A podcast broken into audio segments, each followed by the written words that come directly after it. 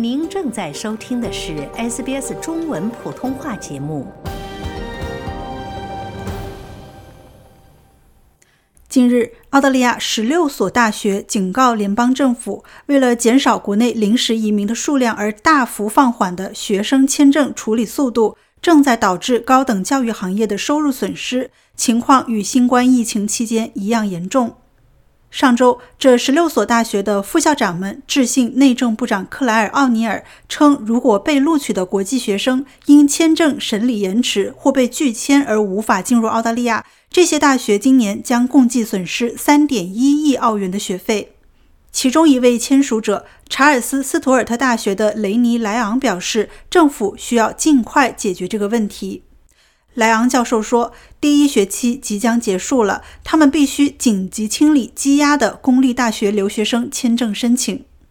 他表示，该校约有百分之六十的国际学生仍在等待签证结果，这些学生将于今年开学，而失去这些学生将使该大学损失两千万澳元。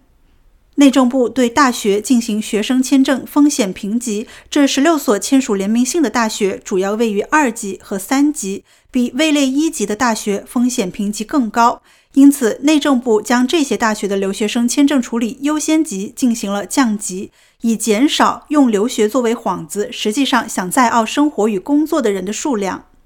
在联名信当中，十六位副校长要求奥尼尔部长确保所有大学的留学生签证处理都能够及时且公平。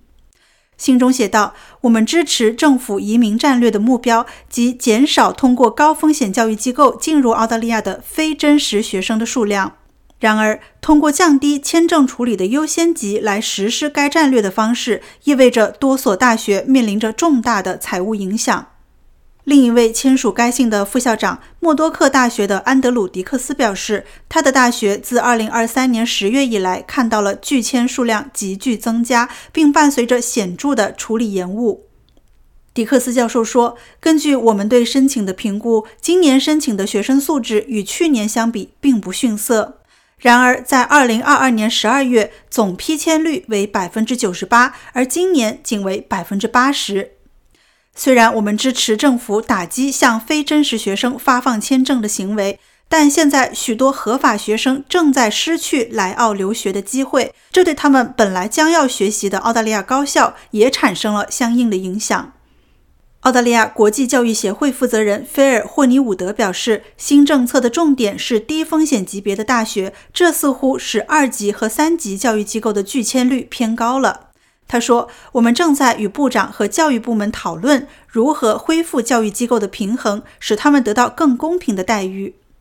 针对副校长们的联名信，奥尼尔部长在一份声明当中表示：“变革是艰难的，我们将与教育机构合作，帮助他们应对新制度。移民数量太多了，我们的目标非常明确，我们正在将移民人数恢复到新冠疫情之前的水平。”对学生签证申请进行适当的诚信审查，对此至关重要。据了解，受签证放缓影响最严重的是来自印度和其他次大陆国家的学生，但莱昂教授表示，来自许多国家的学生都被耽搁了。他说，即便是来自加拿大学习牙科的学生也无法获得签证。他补充说，对他的大学来说，拒签的情况并不一致，这取决于申请人的申请地点。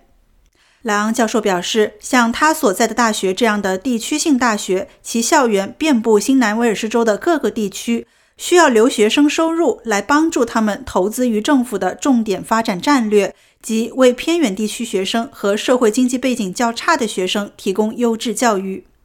他认为，大学受到的影响是政府移民战略的意外结果。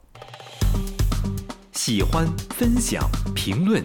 欢迎您在 Facebook 上关注 SBS 普通话页面。